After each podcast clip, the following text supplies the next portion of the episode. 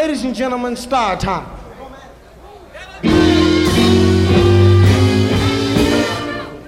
Ladies and gentlemen, at this time, the star of our show, and how about a great big round of applause for Miss Etta James.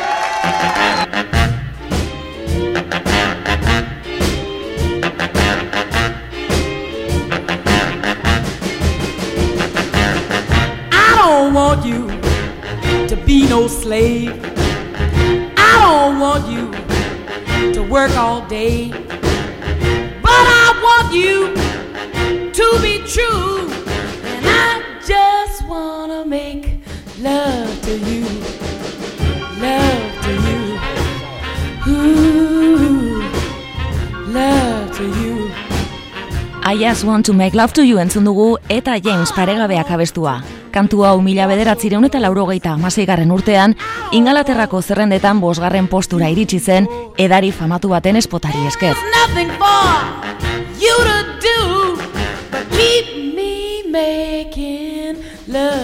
Irantzu karrera naiz eta urrengo ordu erdian, bere haurtzaroko drama kontatuko dizuet. Gospelak bere musikan izan zuen eraginaz, drogekin izan zituen arazoez, eta jakina bizitza bukaeran ezagutu zuen ospeaz ere arituko naiz.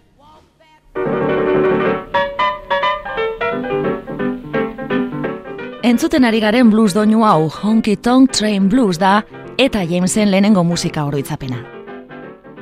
Mila bederatzireun eta hogeita emezortziko urtarrilaren hogeita bostean Los Angelesen jaioa, Jamesita Hawkins burdel baten jabeak ez zuen, bere ama amala urterekin ardura hori hartzeko gaztegia baitzen artean. Hitza berehala konturatu zen abots berezia zuela eta izen handiko gospel zuzendari batekin, James Earl Hines sospetsuarekin hasi zituen musika ikasketak. Berrogeita hamarreko hamarkada hasieran San Franciscora joan zen bere benetako amarekin bizitzera, eta bertan sortu zuen bere lehenengo musika taldea, The Creolettes. And now it's time for the Johnny Otis Show. Johnny Otis. Johnny Otis. Johnny Otis. Johnny Otis. Johnny Otis. Johnny Otis. Johnny Otis, Johnny Otis, Johnny Otis, Johnny Otis.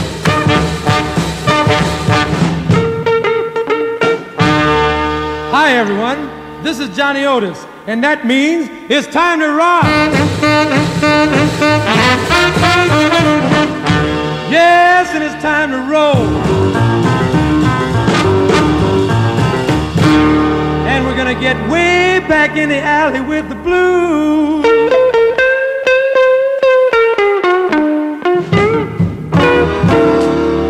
Mila bederatzireun eta berrogeita amalauean, John Otisen Rhythm and Blues karabana ospetsua San Franciscora iritsi zen, eta azterketa egitera joan zirenen artean James Sita azaldu zen.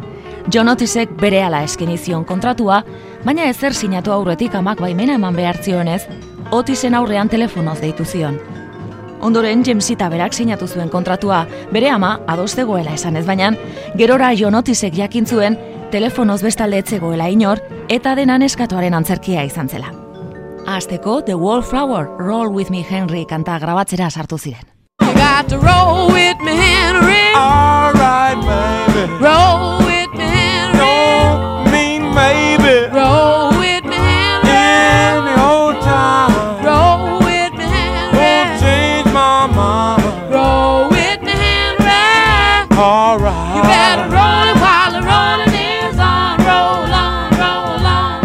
bederatzireun eta berrogeita amabosgarren urte hasieran, deitura artistiko berriarekin jada, eta Jamesek Rhythm and Blues zerrendetako aurreneko postua lortu zuen bere lehenengo grabazioarekin.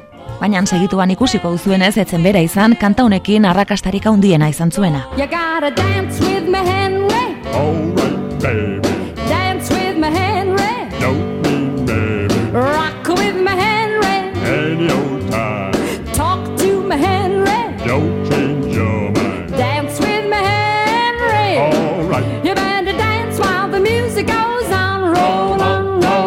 Garai hartan kantari zuriak beltzen arrakasten bersio garbituak egiten zituzten eta kasu honetan Georgia Gibbsek estatu batuetako pop zerrendetako lehenengo postua lortu zuen, baina tituluan Roll with me Henry esan beharrean Dance with me esaten zuen.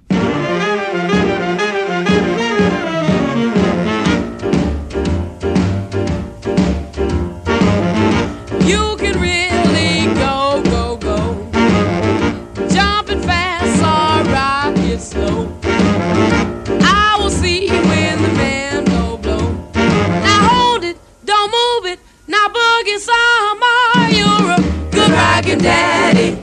Yes, you're a good rockin' daddy. Come on now, up on your feet. You can't be beat. You're a good rockin' daddy.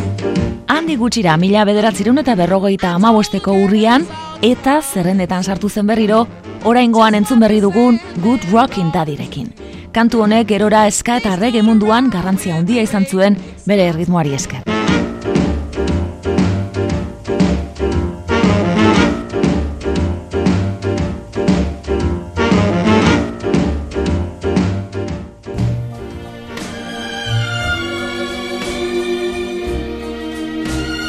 Mila bederatzireun eta irurogeian Modern Records diskoetxearekin zuen kontratua bukatu eta hurrengo emez hortzi urteak Chess Records zigiluarekin egin zituen.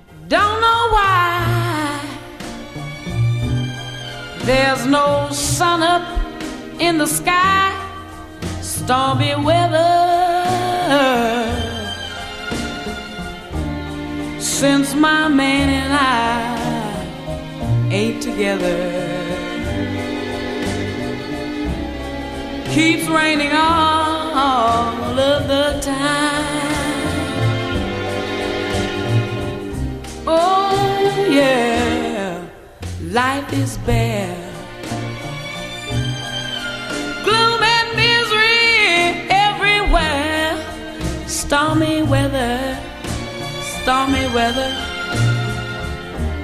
And I just can't get my poor self together.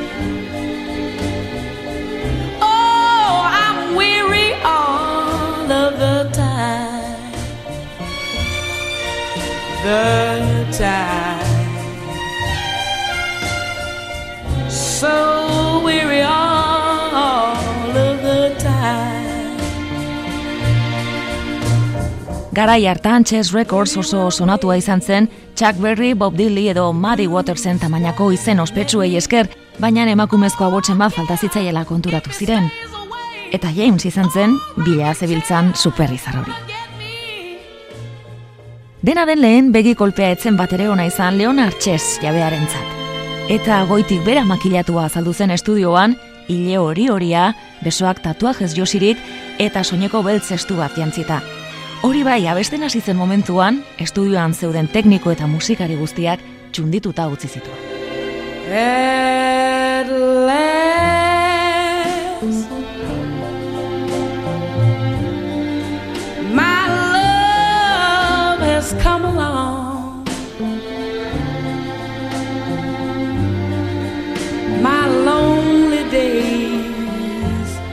Over.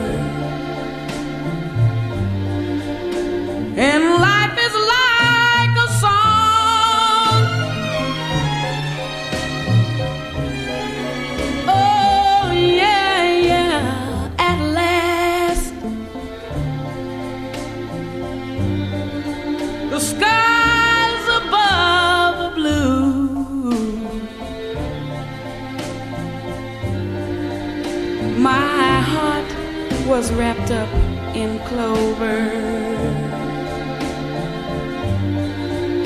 The night I looked at you,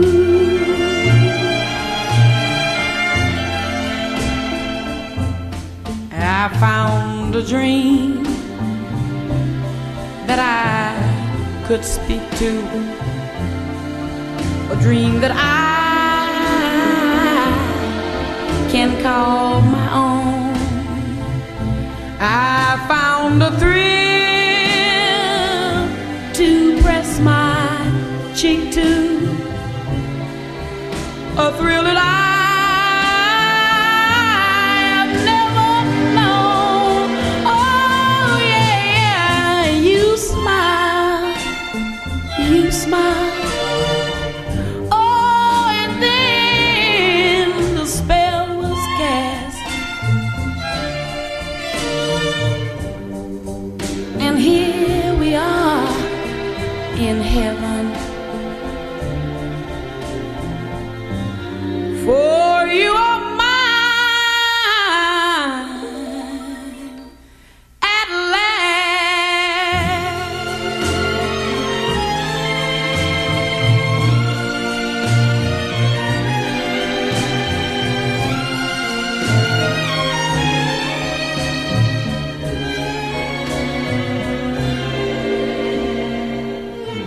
mila bederatzireun eta irurogeitik irurogeita bostera, eta James berak ainongi ezagutzen zuen gospel ikutuko kantuak abesten hasi zen.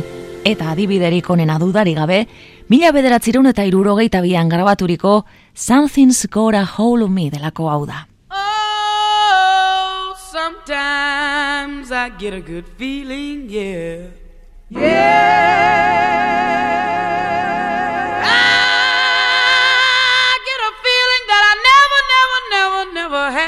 for no, no.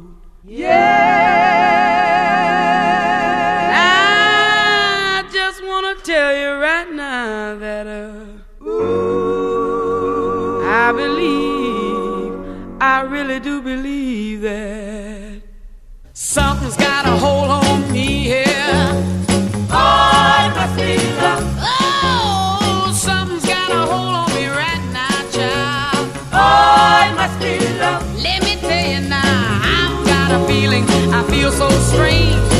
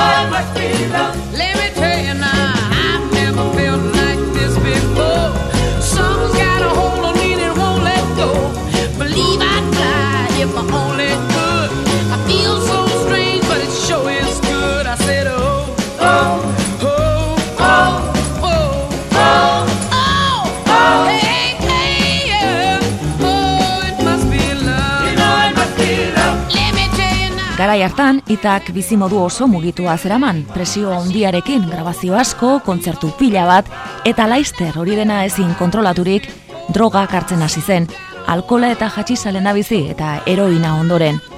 Zuzeneko emanaldietan hala ere, menpekotasuna etzitzaion antzematen eta kontzertu apartak ematen zituen. I'd like to do a tune now that I know a lot of you will remember and I hope you would enjoy it.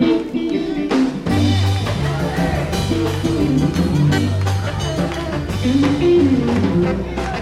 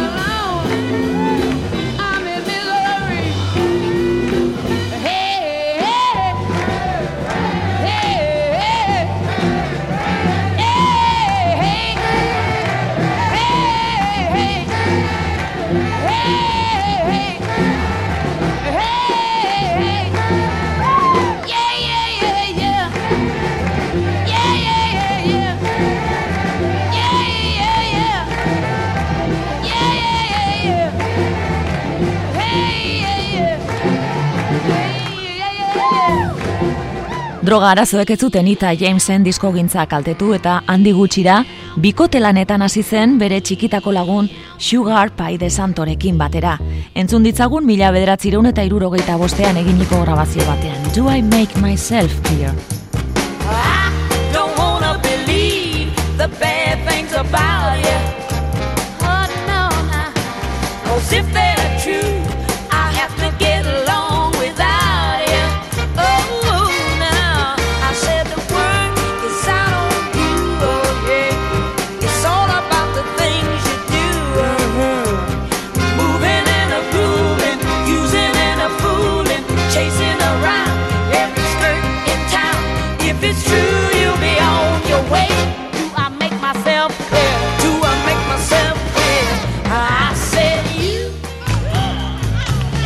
eta mila bederatzi eta iruro zeian beste klasiko handi bat sortu zuten, In Basement.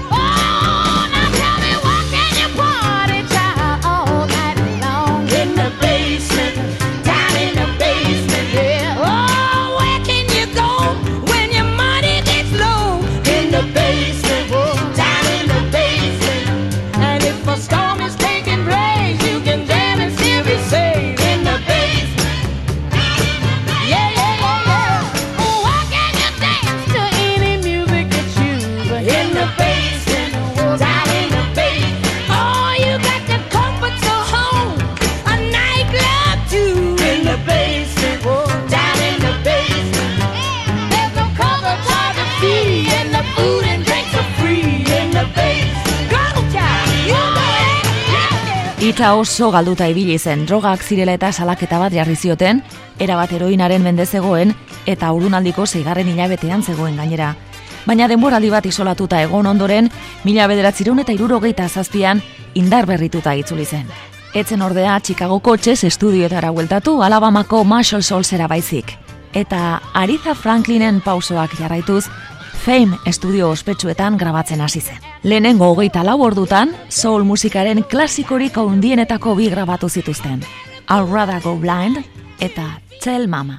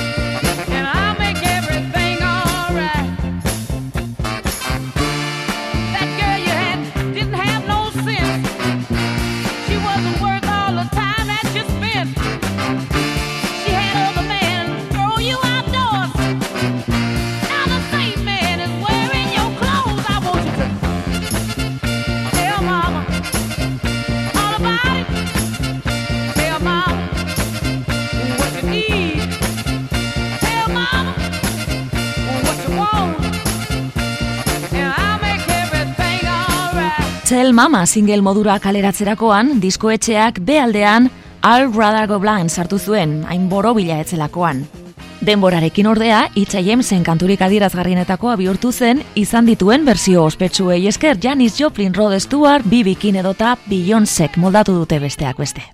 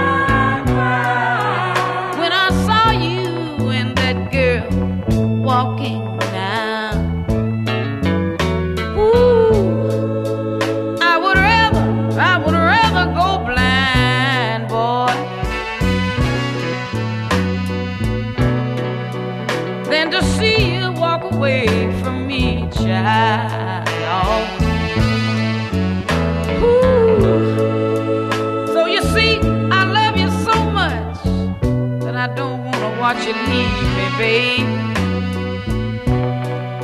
Most of all, I just don't, I just don't wanna be free.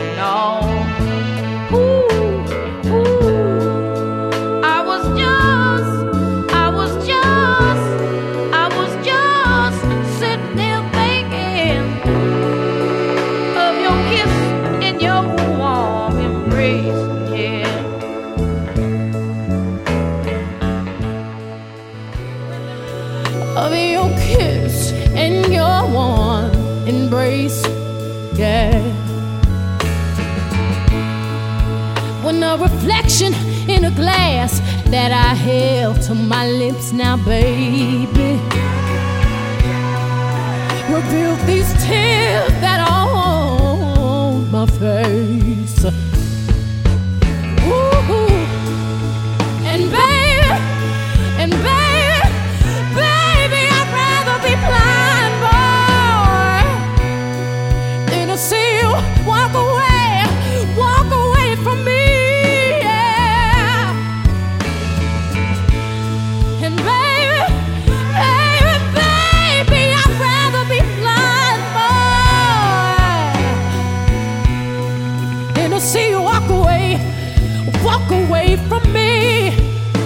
Kantu hau Ita James bera konposatu zuen espetxean zegoen bere lagun batekin elkarlanean.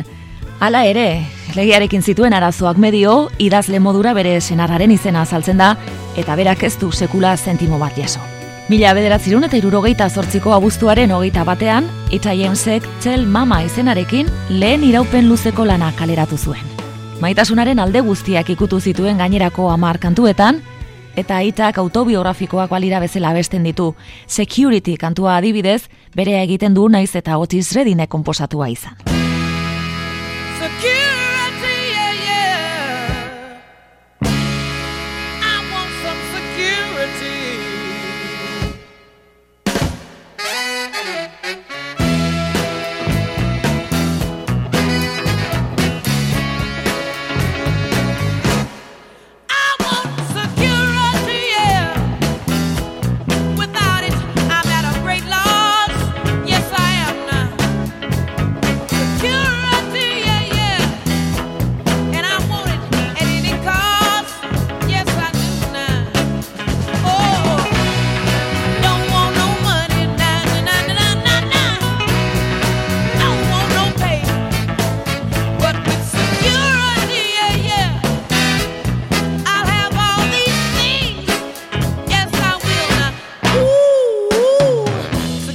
Charles Chamersen It Hurts Me So Much edota Dampen and Do Right Woman kantekin bertsio ezin egin zituen.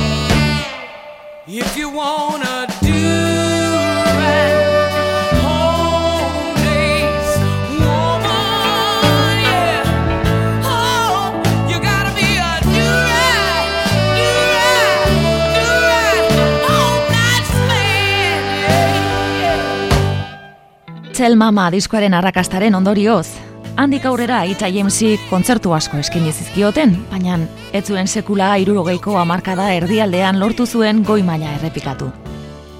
Urrengo hogeita sei urtetan ez zuen aparteko arrakastarik ezagutu, baina drogekin, bere maitale eta justiziarekin izan zituen, arazo guztia gainditzea lortu zuen, eta lanean gogor segitu zuen. Bere azken diskoa, The Dreamer, hil baino bi hilabete lehenago kaleratu zuen, eta indarrak bete-betean zituela erakutsi zigun beste behin. And it's especially for you girls.